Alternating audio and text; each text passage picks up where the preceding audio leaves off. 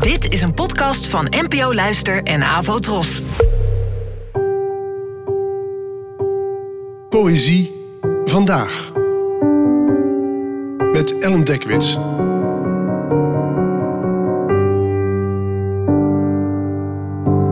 Hallo, fijn dat je luistert. Het gedicht van vandaag heet Stalin en werd geschreven door de Russische dichter Osip Mandelstam. Geboren in 1891 en gestorven in 1938. Het werd vertaald door mij. Stalin. We leven. We weten niet zeker of ons land zich onder ons bevindt. Drie meter verderop hoort niemand ons nog. Maar waar er ook maar half een praatje wordt gemaakt, herinneren we ons alweer de alpinist van het Kremlin. Zijn dikke vingers vet als wormen, zijn woorden betrouwbaar als gewichten van vijf kilo. De neus van zijn laars glanst, zijn kakkerlakke snor lacht.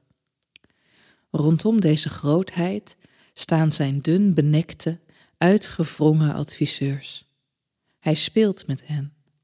Hij is blij omringd te zijn met halve mannen.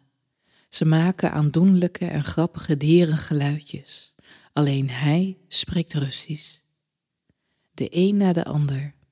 Zijn vonnissen komen aan als hoefijzers. Hij stampt ze uit en raakt altijd de nagel, de bal. Na elke dood is hij als een Georgisch stamlid, die een framboos in zijn mond stopt. Ja, in dit vers maakt de Russische dichter Osip Mandelstam de machtigste man van zijn tijd, Jozef Stalin, flink belachelijk. Stalin heeft een kakkerlakke snor, hij omringt zich met zwakke adviseurs die hem niet tegen durven te spreken. Zijn vingers zijn vet als wormen en ga zo maar door. Het is een vernietigend portret dat Stalin neerzet als een Georgische bullebak die na elke moord frambozen snoept als een kind. En toen eh, Stalin zelf achter dit gedicht kwam, was hij natuurlijk woedend. En wat het nog extra pijnlijk maakt, is dat hij als jongeman zelf aanzienlijk talent had voor de dichtkunst en zijn hele leven lang dol bleef op poëzie. Stalin was een eh, heel ervaren poëzielezer die ook nog eens, zo bleek later, Mandelstam een genie vond. Die bewondering kon de dichter helaas niet meer redden. Hij werd tijdens zijn arrestatie zo gemarteld dat hij mentaal nooit meer de oude werd. Er volgde op dit gedicht jarenlange verbanning, een korte terugkeer en tenslotte toch een enkeltje gulag. Mandelstam was inmiddels zo verzwakt dat hij die reis niet overleefde.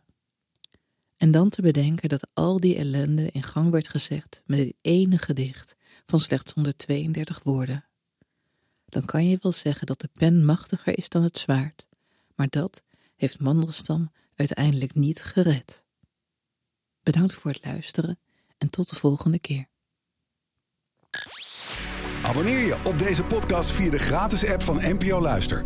Daar vind je ook een handig overzicht van het complete podcastaanbod van de NPO. Afro Tros, de omroep voor ons.